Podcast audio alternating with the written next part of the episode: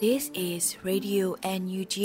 the voice of National Unity Government of Myanmar, broadcasting for Myanmar's Spring Revolution. Radio NUG is transmitting from shortwave 16 meter 17.79 megahertz at 8:30 a.m. and 25 meter 11.94 megahertz at 8:30 p.m. Myanmar Standard Time. မင်္ဂလာပါရှင်။အမျိုးသားညီညွတ်ရေးအစိုးရရဲ့အတန်လွတ်ဌာန Radio NUG ကိုမန္တပိုင်း၈နိုင်ခွဲမှာလိုင်းတူ6မီတာ19.7 MHz နဲ့ညပိုင်း၈နိုင်ခွဲမှာလိုင်းတူ25မီတာ17.6 MHz တို့မှာဓာတ်ရိုက်ဖမ်းယူနားဆင်နိုင်ပါပြီရှင်။မင်္ဂလာအပေါင်းနဲ့ပြည့်စုံကြပါစေ။အခုချိန်ကစပြီး Radio NUG စီစဉ်လေးကိုဓာတ်ရိုက်အတန်းလွှင့်ပေးနေပါပြီ မြန်မာနိုင်ငံသူနိုင်ငံသားအပေါင်းတဘာဝပြီးစစ်အာဏာရှင်ဘေးတို့ကနေကင်းဝေးပြီးဘေးကင်းလုံခြုံကျန်းမာကြပါစေလို့ရေဒီယိုအယူဂျီအဖွဲ့သားများကဆုတောင်းမြတ်တာပို့သလိုက်ရပါတယ်ရှင်ပထမဆုံးအနေနဲ့ကာကွယ်ရေးဝန်ကြီးဌာနရဲ့စစ်ရေးသတင်းအကျဉ်းချုပ်ကိုຫນွေဦးမောင်မှတင်ပြပေးမှာဖြစ်ပါတယ်ရှင်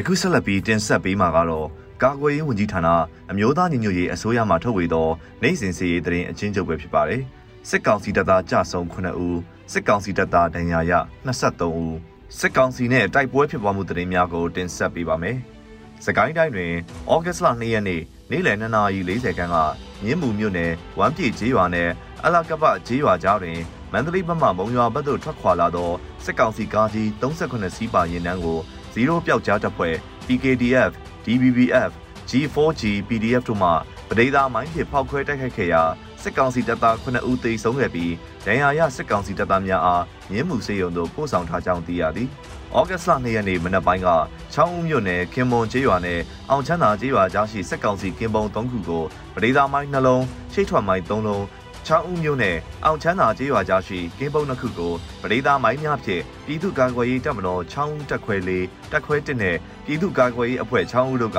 ဖောက်ခွဲတိုက်ခိုက်ခဲ့သဖြင့်စစ်ကောင်စီတပ်သား20ဦးခန့်ထိခိုက်ဒဏ်ရာရရှိခဲ့သည်။ဩဂတ်စ်လ2ရက်နေ့မနက်10:30ခန်းကချောင်းဦးမြို့နယ်နတ်ရီကန်ကျေးရွာနဲ့ရေပိုးစားကျေးရွာကြားတွင်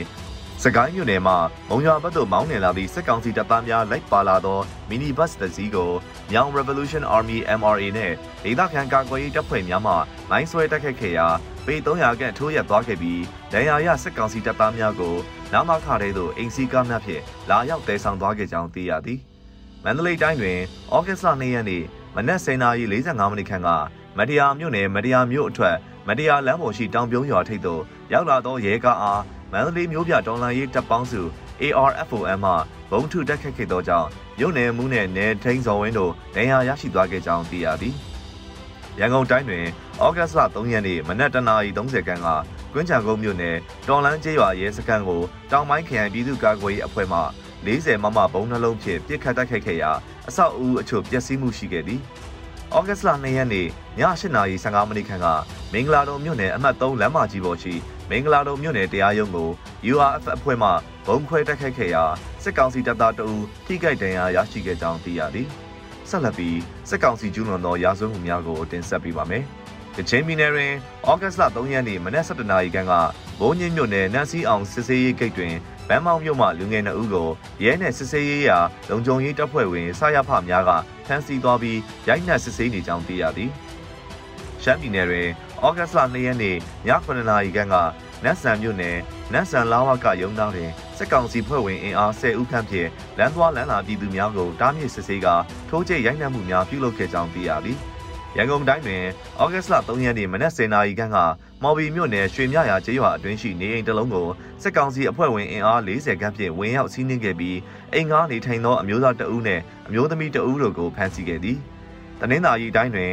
ဩဂတ်လ2ရက်နေ့မနက်10:00နာရီခန့်ကတနင်္သာရီမြို့နယ်မော့တောင်မြို့တွင်နေထိုင်သူမတ်စင်မာအေးကိုစစ်ကောင်စီတပ်သားများမှလာရောက်ဖမ်းဆီးခေါ်ဆောင်သွားခဲ့သည်။မှတ်ချက်ရေပြင်တရင်တောင်ဝန်ခံများနဲ့တရင်ဌာနများမှဖော်ပြလာသောအချက်လက်များအပေါ်အခြေခံပြုစုထားသည်။ ယခုတက်ဆက်ပေးခဲ့တာကတော့ကာကွယ်ရေးဝန်ကြီးဌာနအမျိုးသားညီညွတ်ရေးအစိုးရမှထုတ်ဝေသောနိုင်စဉ်စီရေးသတင်းအချင်းချုပ်ပဲဖြစ်ပါတယ်။ကျွန်တော်ကတော့ຫນွေဦးမှာပါခင်ဗျာ။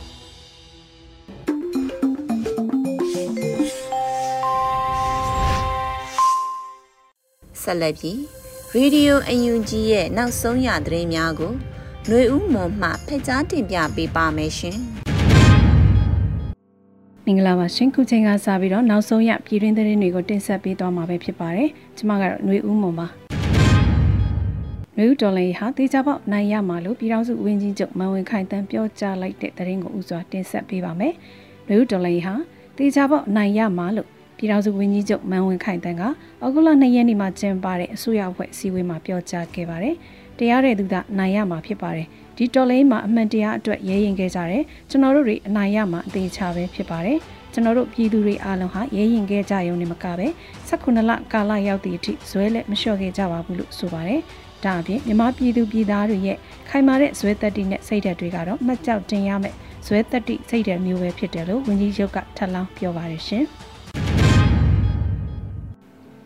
ကျန်းဖတ်စစ်ကောင်စီမှကျူးလွန်သောစစ်ရာဇဝတ်မှုများကိုမှတ်တမ်းပြုစုပြီးတရားစီရင်နိုင်ရေးဆောင်ရွက်ကြရမယ်လို့ပြည်ထောင်ဝင်ကြီးလမ်းညွှန်မှာကြားတဲ့သတင်းကိုလည်းဆက်လက်တင်ဆက်ပေးပါဦးမယ်။အကျန်းဖတ်စစ်ကောင်စီမှကျူးလွန်တဲ့စစ်ရာဇဝတ်မှုတွေကိုမှတ်တမ်းပြုစုပြီးတော့တရားစီရင်နိုင်ရေးဆောင်ရွက်ကြရမယ်လို့ပြည်ထောင်ဝင်ကြီးဦးလကိုလက်ကဩဂုတ်လ3ရက်မှသခိုင်းတိုင်းနဲ့မကွေးတိုင်းရှိပြည်သူ့လုံခြုံရေးအဖွဲ့နဲ့တွေ့ဆုံတဲ့အစည်းအဝေးမှာလမ်းညွှန်မှာကြားလိုက်ပါတယ်။မြို့နယ်ပြည်သူ့လုံခြုံရေးအဖွဲ့များသည် ပြည်သူ့ရဲတပ်ဖွဲ့လုပ်ငန်းများကိုမြေပြင်တွင်အထူးရရဆောင်ရွက်နိုင်အောင်လှုံ့ဆော်ကြရမည်ဖြစ်ပါကြောင်းကျန်းဖတ်စစ်ကောင်စီမှကျူးလွန်သောဆရာဆွေးမှုများကိုမှတ်တမ်းပြုစုပြီးတရားစီရင်နိုင်ဆောင်ရွက်ကြရမည်ဖြစ်ပါကြောင်းနေမြေများကိုစုံမှုထိန်းချုပ်နိုင်ရသည့်လုံခြုံရေးနှင့်တရားဥပဒေစိုးမိုးရေးဟာများစွာအရေးပါကြောင်းဖွဲ့စည်းထားရှိပြီးဖြစ်တဲ့မြို့နယ်ပြည်သူ့လုံခြုံရေးဖွဲ့ပါလာဖများကိုလည်းလိုအပ်သည့်တင်နန်းများပေးနိုင်ရေးစီစဉ်ဆောင်ရွက်နေကြကြောင်းဝန်ကြီးကဆိုပါတယ်။စီဝေတွင်တက်ရောက်လာကြသူများက ပြည်သူ့ရဲတပ်ဖွဲ့မှလက်ရှိဆောင်ရွက်ထားခြင်းများမြို့နယ်ပြည်သူ့လုံခြုံရေးဖွဲ့ပါလာဖများအားစနစ်တကျဖွဲ့စည်းထားရှိစေရေးကိစ္စရပ်များမြို့နယ်ပြည်သူ့အုပ်ချုပ်ရေးအဖွဲ့များနဲ့ချိတ်ဆက်လှုပ်ဆောင်နိုင်ရေးကိစ္စရပ်များအမှုခင်းကိစ္စရပ်များကိုနီလန်းတကျကင်တွယ်ဆောင်ရွက်နိုင်ရေးကိစ္စရပ်များစသည်တို့ကိုဆွေးနွေးခဲ့ကြပါတယ်။စီဝေးတို့ပြည်ထောင်စုဝန်ကြီးဦးလွန်ကိုလက်နဲ့အတူမြေတဲ့အတွင်းဝင်တွဲဘက်အတွင်းဝင်ပြည်သူ့အုပ်ချုပ်ရေးဦးစီးဌာနညွှန်ကြားရေးမှူးချုပ်နဲ့တာဝန်ရှိသူများပြည်သူ့ရဲတပ်ဖွဲ့မှရဲချုပ် ဒူရဲချုပ်နဲ့အခြားရဲရာရှိကြီးများတက်ရောက်ခဲ့ကြပါတယ်ရှင်။စစ်ကောင်စီရဲ့ရွေးကောက်ပွဲမတိုင်မီနွေဦးဒေါ်လေးအဆုံးသတ်ဖို့ဆုံးဖြတ်ထားကြောင်းပြည်ထောင်ဝင်ကြီးဦးလင်ကွန်းလက်ပြောကြားတဲ့သတင်းကိုဆက်လက်တင်ဆက်ပေးပါမယ်။စစ်ကောင်စီရဲ့ရွေးကောက်ပွဲမတိုင်မီနွေဦးဒေါ်လေးအဆုံးသတ်ဖို့ဆုံးဖြတ်ထားကြောင်းပြည်သူလူထုသိကျင်သမျှကို NUG အစိုးရဘာလုပ်နေလဲအစီအစဉ်မှာပြည်ထောင်ဝင်ကြီးဦးလင်ကွန်းလက်ကဖြေကြားရမှာထည့်သွင်းပြောကြားခဲ့ပါတယ်။ စစ်ကောင်စီကကျင်းပမယ်လို့ပြောထားတယ်2023ရွေးကောက်ပွဲမတိုင်မီမှာကျွန်တော်တို့နွေဦးဒေါ်လိုင်းကိုအဆုံးသတ်နိုင်ဖို့ကျွန်တော်တို့ဆုံးဖြတ်ထားတာရှိတယ်ဒါပေမဲ့ဒီလိုဆုံးဖြတ်ထားမှုက energy တစ်ခုတည်းနဲ့မရပါဘူးကျွန်တော်တို့ energy ရဲ့ ERO အဖွဲ့တွေရဲ့နောက်ပြီးတော့ပြည်သူလူထုတရလုံးကဟန်ချက်ညီညီတော်လှန်ဖို့လိုပါတယ်လို့ဝန်ကြီးကဆိုပါတယ်ဒါအပြင်လူထုတိုက်ပွဲနီးနာတွေအပါအဝင်စီးရဲနီးနဲ့မြို့သိမ်းတိုက်ပွဲတွေကိုခိုင်ခိုင်မာမာဆင်နွှဲမှာဖြစ်ပြီးတော့ပြည်သူလူထုကပူးပေါင်းပါဝင်လာမယ်လို့လည်းယုံကြည်တယ်လို့ပြည်ထောင်ဝင်ကြီးကထပ်လောင်းပြောကြားပါတယ်ရှင်။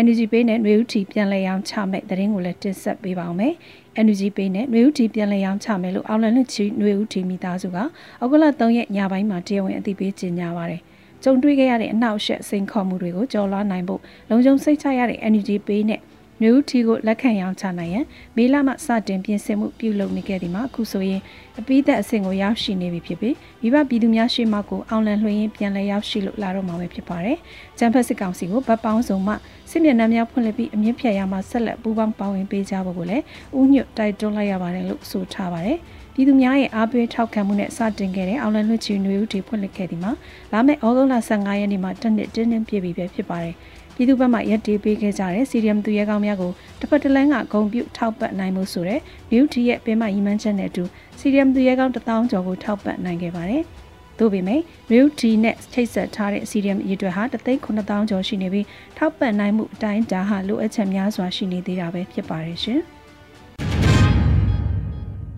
ဥပဒေကိုစစ်ကြုံပြုသွေးစွန်းလက်နဲ့ထီတော်မတင်တဲ့ဘန္နာကိုကင်ဆွဲက ရန်ကုန်လူထုတပိတ်မှဆီယာနာရှင်စန့်ချီလှုပ်ရှားမှုဦးဆောင်တဲ့တရင်ကိုဆက်လက်တင်ဆက်ပေးပါဦးမယ်။ဥပဒေကိုစစ်ကြုံပြုသွေးစွန်းလက်နဲ့ထီတော်မတင်တဲ့ဘန္နာကိုကင်ဆွဲပြီးတော့ရန်ကုန်လူထုတပိတ်မှဆီယာနာရှင်စန့်ချီလှုပ်ရှားမှုဦးဆောင်ခဲ့ပါတယ်။အခုလ3ရက်ရန်ကုန်မြို့တနေရာမှာစစ်ကောင်စီလုံခြုံရေးတင်းကျပ်ထားတဲ့ကြားကဥပဒေကိုစစ်ကြုံပြုသွေးစွန်းလက်နဲ့ထီတော်မတင်တဲ့ခေါင်းစဉ်နဲ့အတူ ကိုဖြိုးစရာသောတီဆိုရေးသားခဲ့သောယုံကြည်ချက်အတွက်အသက်ကိုဆွန်ကပမိုင်းကိုရေးမှငါတို့စာတမ်းများကင်ဆွဲပြီးတော့ရန်ကုန်လူလူတပိတ်မှဆီယနာရှင်စန့်ကျင်လှူရှားမှုတစ်ခုပြုလုပ်ခဲ့ပါတယ်။တရားဥပဒေထက်မှအာရမချုပ်ကင်ထားတဲ့ဆီယနာကိုအဆုံးထိတော်လန်တိုက်ထုတ်ရန်တိုက်ပုံအနက်နဲ့ဘလူးကောင်းဆောင်က2008အခြေခံဥပဒေစာအုပ်ကို ကျိုးမိတ်ပေးမိရှုဖျက်ဆီးခြင်းပြုကရန်ကုန်လူလူတပိတ်မှအာနာရှင်တိုက်ဖြည့်ရေးကျွေးကြော်လုံဆော်မှုပြုခဲ့ခြင်းဖြစ်ပါတယ်။တိုက်ပုံအနက်ဟာမြန်မာနိုင်ငံရဲ့လက်ရှိတရားဥပဒေကိုကိုးစားပြုပြီး၎င်းထက်မှအာရမချုပ်ကင်ထားတဲ့ဆီယနာကိုဘလူးကောင်းဆောင်ဖြင့်ဖော်ပြခဲ့ခြင်းဖြစ်တယ်လို့ဆိုပါတယ်။ခြေဥကိုမိရှုဖျက်ဆီးခြင်းမှာဘလူးကောင်းဆောင်အားချွတ်ထားခြင်းဖြင့်တပိတ်တရုပ်ဖော်ခဲ့ပါတယ်ရှင်။ ဆီယာဆန် PDF မှလက်လုံစနိုက်ပါနဲ့40မမများထုတ်လုပ်အောင်မြင်တဲ့အကြောင်းအရာကိုဆက်လက်တင်ဆက်ပေးပါဦးမယ်။ CSN PDF မှလက်လုံစနိုက်ပါတနက်နဲ့40မမလက်နက်များထုတ်လုပ်အောင်မြင်မှုအနေနဲ့ဩဂုတ်လ3ရက်နေ့မှာ CSN PDF ကစနိုက်ပါတနက်ကိုဖော်ထုတ်ပြသခဲ့ပါတယ်။ကိုပိုင်ထုတ်လုပ်ရေးနဲ့အဆင်ပြေအောင်အတက်နိုင်ဆုံးစူးစမ်းလှုပ်ဆောင်ပြီးကလေးတွေအတွက်အဆင်ပြေအောင်လှုပ်ဆောင်ပေးနေပါတယ်။ပြည်သူတွေမြည်တို့ဆိုစေကမှုအတက်နိုင်ဆုံးတော့အဖွဲ့ဝင်ရဲဘော်တွေပြည်သူတွေနောင်လာမဲ့ကလေးတွေရဲ့အနာဂတ်အတွက်အကောင်းဆုံးဖြစ်အောင်လှုပ်ဆောင်ပေးသွားပါမယ်လို့ဆိုပါတယ်။ 40မမဟာပြင်ပမှာတက်လက်ပေါင်းစိ300ကျော်တော့လေထုတ်လုပ်မှုကုန်ကြစည်အ ਨੇ ဆုံးနဲ့ဆီယာဆန် PDF ကထုတ်လုပ်နိုင်ခဲ့ပါတယ်။ဆီယာဆန်ပြည်သူ့ကာကွယ်ရေးတပ်ဖွဲ့ဟာဆီယနာရှင်ကိုခုခံတွန်းလှန်နေတဲ့အဖွဲ့လည်းဖြစ်ပါတယ်ရှင်။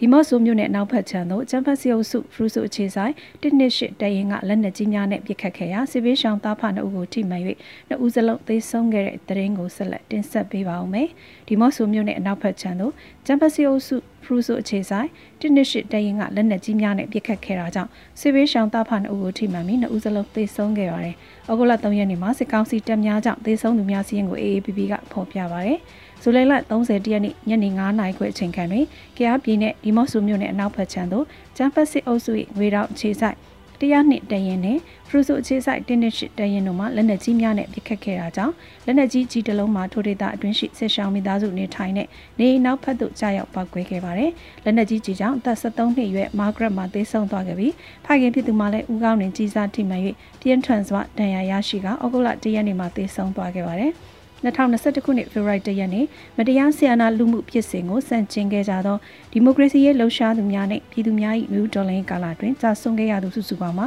2148ဦးရှိခဲ့ပြီဖြစ်ပါတယ်ရှင်။ရေဦးမြို့နယ်တင်းနေရန်ကျေးရွာကိုအကြမ်းဖက်စစ်တပ်က3ရက်ဆက်တိုက်မိရှုဖျက်ဆီးမှုကြောင့်နေအိမ်လုံး300ကျော်နဲ့ဈေးဆိုင်ပေါင်း200ကျော်မိလောင်ဆုံးရှုံးတဲ့တဲ့ရင်ကိုလည်းတင်ဆက်ပေးပါမယ်။ စကိုင်းတိုင်းရေဦးမြို့နယ်တင်နရန်ချေရွာကိုချမ်ပတ်စစ်တပ်က3ရက်ဆက်တိုက်မိရှုဖျက်ဆီးတာကြောင့်နေအိမ်အလုံး300ကျော်နဲ့ဈေးဆိုင်ပေါင်း200ကျော်မိလောင်ဆုံးရှုံးခဲ့ရပါတယ်။အော်ဂိုလတ်2ရက်နေ့မှာဒီနရန်ချေရွာအခြေအနေကို Freedom Revolution Force အဖွဲ့ကထုတ်ပြန်ပါတယ်။စစ်ကောင်စီတပ်များဟာရေဦးမြို့နယ်တင်နရန်ချေရွာအားဇူလိုင်29ရက်နေ့ကနေ30ရက်နေ့အထိ3ရက်ဆက်တိုက် နေ့စဉ်တနေကုန်နီးပါးမီတင်ရှိုရဖုံတော်ကြီးကျောင်းတစ်ကျောင်းအပါအဝင်ပြည်သူအိုးအိမ်ပေါင်း313အိမ်နဲ့ပြည်သူပိုင်းဈေးဆိုင်ကန်ပေါင်း250ကျော်စံဆက်လေးလုံးဈေးဆက်နှလုံးမီးလောင်ပျက်စီးခဲ့ပါတယ်လို့ဆိုပါတယ်။ဒါအပြင်စစ်ကောင်စီတပ်များတွားရလန်းတခြားဇီကုန်းမင်တဲရင်ပြည်သူတို့တိနေရရွာနဲ့တပင်းမြို့ကြားတွင်ပြည်သူတို့စုစုပေါင်းပြည်သူ2ဦးကအကြောင်းမဲ့တပ်ဖြတ်သွားခဲ့ပါသေးတယ်ရှင်။ခုတင်ပြပေးခဲ့တဲ့သတင်းတွေကိုတော့ Radio Energy သတင်းနောက်မင်းမင်းကပေးပို့ထားတာဖြစ်ပါတယ်။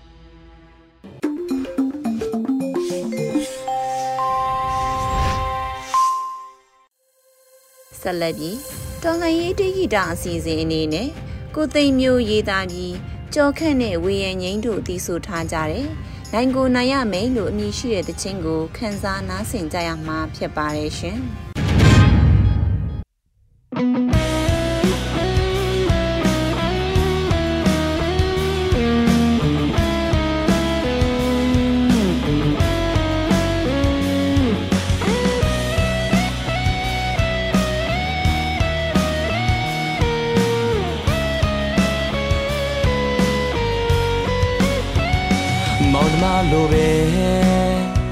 တစုတည်းနေခဲ့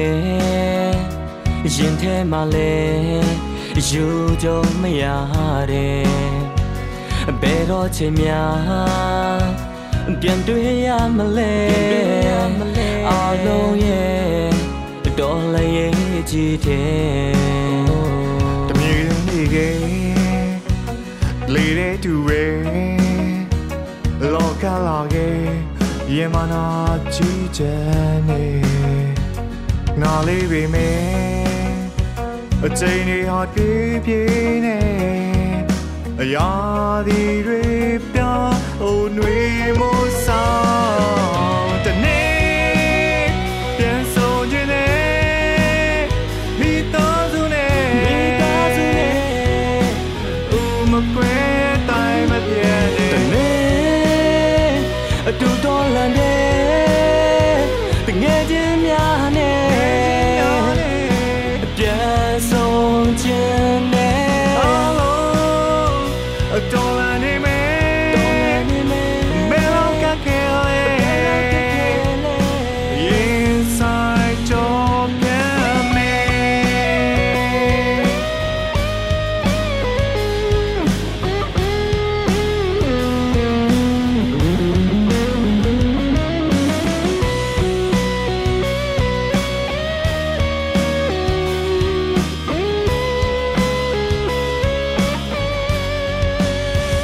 တငယ်ချင်းတွေနဲ့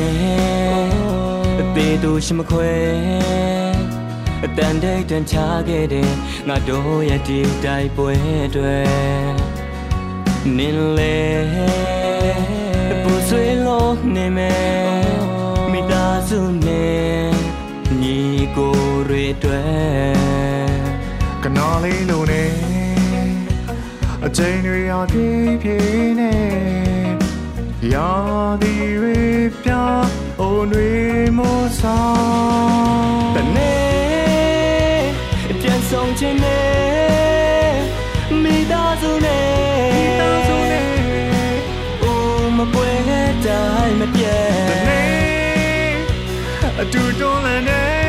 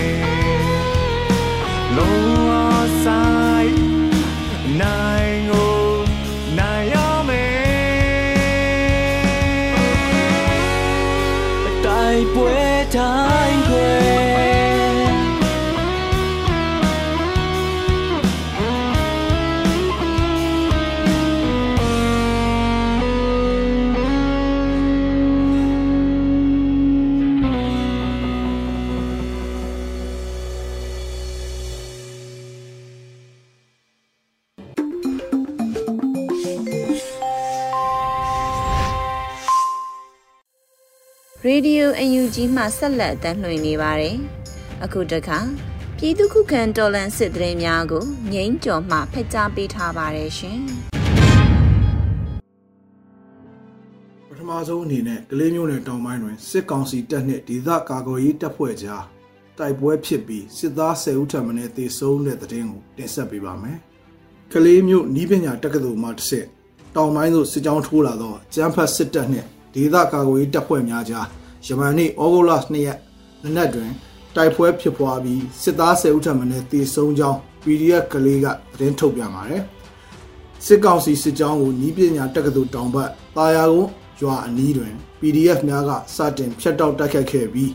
နနက်6နာရီခွဲမှမွန်းလွဲ3နာရီထိတိုက်ပွဲအပြင်းထန်ဖြစ်ပွားခဲ့ကြောင်းသိရှိရတာပါကလေးနီးပညာတက္ကသိုလ်တွင်တက်ဆွဲထားသောအကျန်းဖတ်စစ်တပ်ကတိုက်ပွဲဖြစ်ပွားရာအနီးဝန်းကျင်သို့ လက်နက်ကြီးပစ်ကူများပစ်ခတ်ခဲ့ပြီးတေဆုံးဒဏ်ရာရစစ်သားများကိုတက္ကသိုလ်ဝင်းတွင်သို့တည်ယူသွားပြီးလူနာတင်ရင်များဖြင့်ကလေးမျိုးတွင်သို့ပြန်လည်သယ်ဆောင်သွားသည်ဟု PDF ကလေးတပ်ဖွဲ့ကဆိုပါတယ်စစ်ကောင်စီတပ်ဖွဲ့ကို PDF ကလေးတပ်ရင်း1 2 56ပါကဖကလေး Falcon CDF CDF KKG RKDF တို့ကပူးပေါင်းတိုက်ခတ်ခဲ့ခြင်းပါ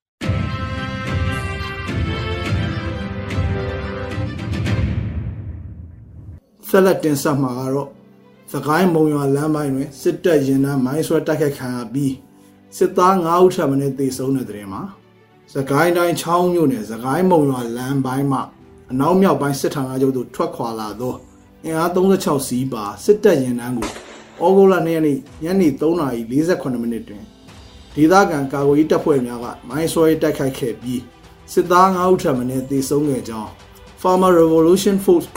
FRF တပ်ဖွဲ့ထံမှသိရှိရပါတယ်။ကျန်းဖတ်စစ်တပ်ရင်တန်းကို Farmer Revolution Force FRF တပ်ဖွဲ့နဲ့စကိုင်းခရိုင်တပ်ရင်းက MRE တို့ကနီးပညာမြင့်ဗရေဒါမိုင်း10လုံးဖြင့်ဖောက်ခွဲတိုက်ခိုက်ခဲ့ခြင်းဖြစ်ကြောင်းသိရတာပါ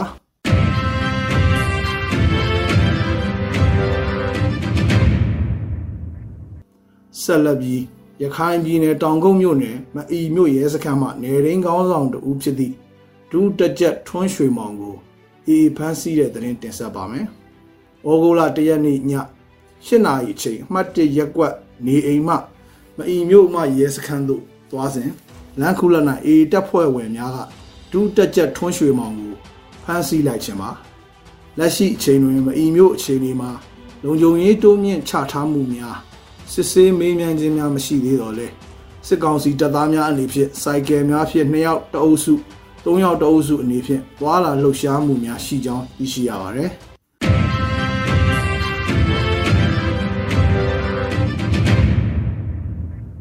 ထို့ပြင်ကချင်ပြည်နယ်ဖားကန့်မြို့နယ်စိတ်မှုစိုင်းတောင်ကြီးရွာတွင်ဒုရဲမှုကိုကိုလွင်နှင့်စစ်တပ်အရာရှိဗိုလ်တို့ကိုယနေ့နနက်၈နာရီဝန်းကျင်အချိန်တနတ်သမားတချို့ကပြစ်ခတ်ရာဒုရဲမှုကိုကိုလွင်တေဆုံးသွားကြောင်းသိရှိရပါတယ်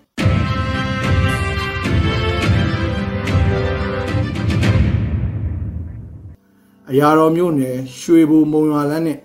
မြေနက်လမ်းစုံတွင်အကြမ်းဖက်စစ်ကောင်စီတပ်ဒရုန်းဖြင့်ဘုံကျဲတိုက်ခိုက်ခံရတဲ့တဲ့ရင်ဆက်လက်တင်ဆက်ပါမယ်။အရာတော်မြို့နယ်ရွှေဘူမုံရွာလမ်းနဲ့မြေနက်လမ်းစုံတွင်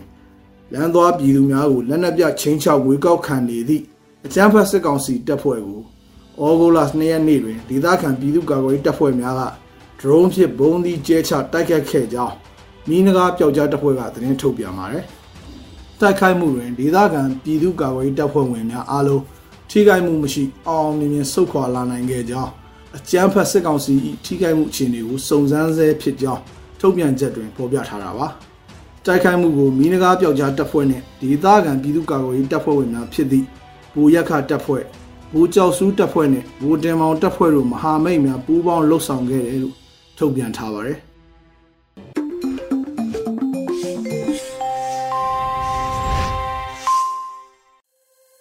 Radio UNG သောတာရှင်များရှင် PVTV ရဲ့နေ့စဉ်သတင်းများကိုတော့ထထအိန္ဒြာအောင်မှဖက်ကြားတင်ပြပေးထားပါတယ်ရှင်။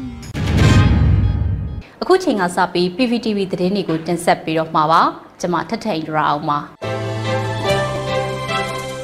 ပထမဆုံးတင်ဆက်ပေးမယ့်သတင်းကတော့ကျမ်းမာရေးဝန်ကြီးဌာနကຫນွေဦးကျမ်းမာရေးသူရဲကောင်အဖွဲ့ဝင်ဖြစ်တဲ့ကျမ်းမာရေးသူရဲကောင်ဝန်ထမ်းတွေကိုကုညီဆောက်ရှောက်ပေးနိုင်မယ့်အစီအစဉ်ပြုလုပ်နေတဲ့ဆိုတဲ့သတင်းကိုတင်ဆက်ပေးပါမယ်။ຫນွေဦးကျမ်းမာရေးသူရဲကောင်အဖွဲ့ဝင်ဖြစ်တဲ့လစဉ်အဖွဲ့ဝင်ကြီးကိုကိုနိုင်တလောက်ဝယ်ယူထားပြီးထည့်ဝင်ပေးတာနဲ့ ကျမ်းမာရေးသူရဲကောင်ဝန်ထမ်းတွေကိုကုညီဆောက်ရှောက်ပေးနိုင်မယ့်အစီအစဉ်တစ်ခုအားမြို့သားညီညွတ်ရေးအစိုးရကျမ်းမာရေးဝန်ကြီးဌာနကပြုလုပ်နေပါပြီ။ຫນွေဦးကျမ်းမာရေးသူရဲကောင်အဖွဲ့ဝင်ဆိုတာကျမ်းမာရေးဆောက်ရှောက်သူမှကျမ်းမာရေးဆောက်ရှောက်သူတို့ဆိုတဲ့ကုညီဆောက်ရှောက်မယ့်အစီအစဉ်ဖြစ်ပါတယ်။တော်လှန်ရေးကာလရှေ့တန်းမှာရွရွချွန်ချွန်တိုက်ပွဲဝင်နေကြတဲ့တော်လှန်ရေးရဲဘော်တွေနဲ့စစ်ရေးရှောင်ပြည်သူတွေကိုပင်ပန်းဆင်းရဲခံပြီးတသားတဲ့စေကူတောက်မှုပေးလျက်ရှိတဲ့ကျမ်းမာရေးသူရဲကောင်းဝန်ထမ်းတွေကိုကုညီဆောက်ရှောက်မဲ့အစီအစဉ်လည်းဖြစ်တာပါ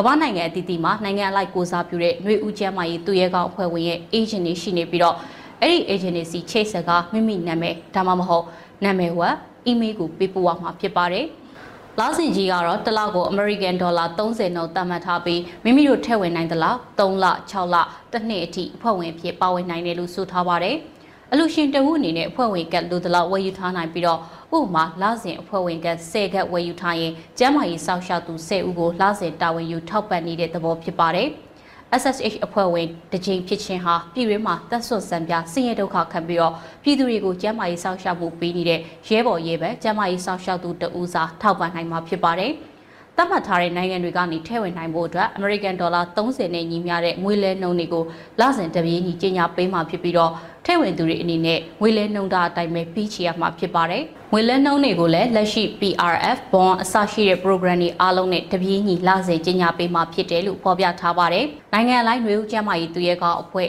agent Telegram အကောင့်တွေကိုတော့အမျိုးသားညီညွတ်ရေးအစိုးရကျမ်းမာရေးဝန်ကြီးဌာနရဲ့ page မှာဝင်ရောက်ကြည့်ရှုနိုင်ပါတယ်ရှင်။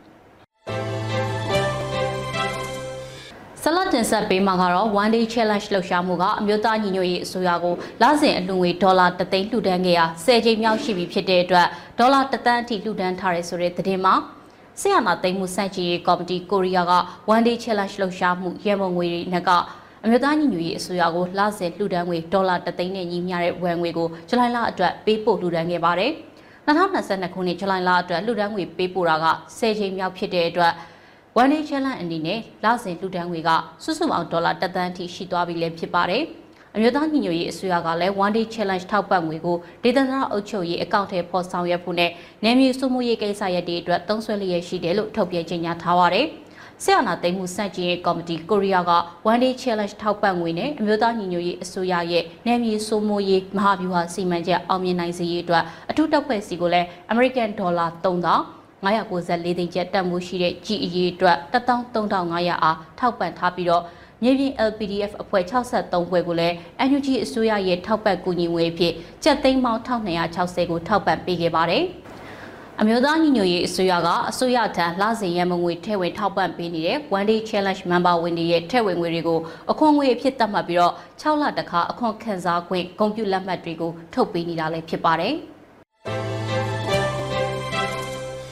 အခုတင်ဆက်ပေးမှာကတော့အကြမ်းဖက်စစ်တပ်ရဲ့တက်ခွဲမှုကကြေးရွာရဲ့ရမိရဖတွေကိုခေါ်ပြီး KNU လောက်ခံတပ်တွေလာတိုက်ရင်ကြေးရွာရဲ့ပြန်ပြစ်မယ်လို့ချင်းချောက်ပြောဆိုလိုက်တဲ့သတင်းကိုတင်ဆက်ပေးပါမယ်။ဘီလင်းမြို့နယ်ဝင်းတာဘန်တာဘောကြေးရွာတွေမှာစခန်းချတက်ဆွဲထားတဲ့အကြမ်းဖက်စစ်တပ်ရဲ့တက်ခွဲမှုကကြေးရွာရဲ့ရမိရဖတွေကိုခေါ်တွေ့ပြီး KNU လောက်ခံတပ်တွေလာတိုက်ရင်ကြေးရွာတွေကိုပြန်ပြစ်မယ်ဆိုပြီးတော့ချင်းချောက်ပြောဆိုမှုတွေပြုလုပ်ခဲ့တယ်လို့ KNU တထုံခရိုင်ကသတင်းထုတ်ပြန်လိုက်ပါတယ်။ လာရောက်ချင်းချောက်တဲ့တက်ခွဲမှုကဝင်းတာပန်ကြီးရွာမှာစခန်းချထားတဲ့စကခရှိပိနေတော်လောက်ခန်ခမရ401တရရဲ့စခန်းမှုတာဝန်ကိုယူထားတဲ့တက်ခွဲမှုမျိုးကျော်မြင့်ဖြစ်တယ်လို့ထုတ်ပြန်ချက်မှာဖော်ပြထားပါတယ်။အဲ့ဒီအကြံဖက်စစ်တပ်စခန်းက KNU ဘီလင်းမြို့နယ်အုပ်ချုပ်နယ်မြေအတွင်းမှာတက်ဆွဲထားတာဖြစ်ပြီးတော့အဲ့ဒီလိုတက်ဆွဲထားတဲ့အတွက်ကြောင့် KNU လောက်ခန်တပ်တွေနဲ့မကြာခဏထိတွေ့ပစ်ခတ်မှုတွေဖြစ်ပွားနေတာပါ။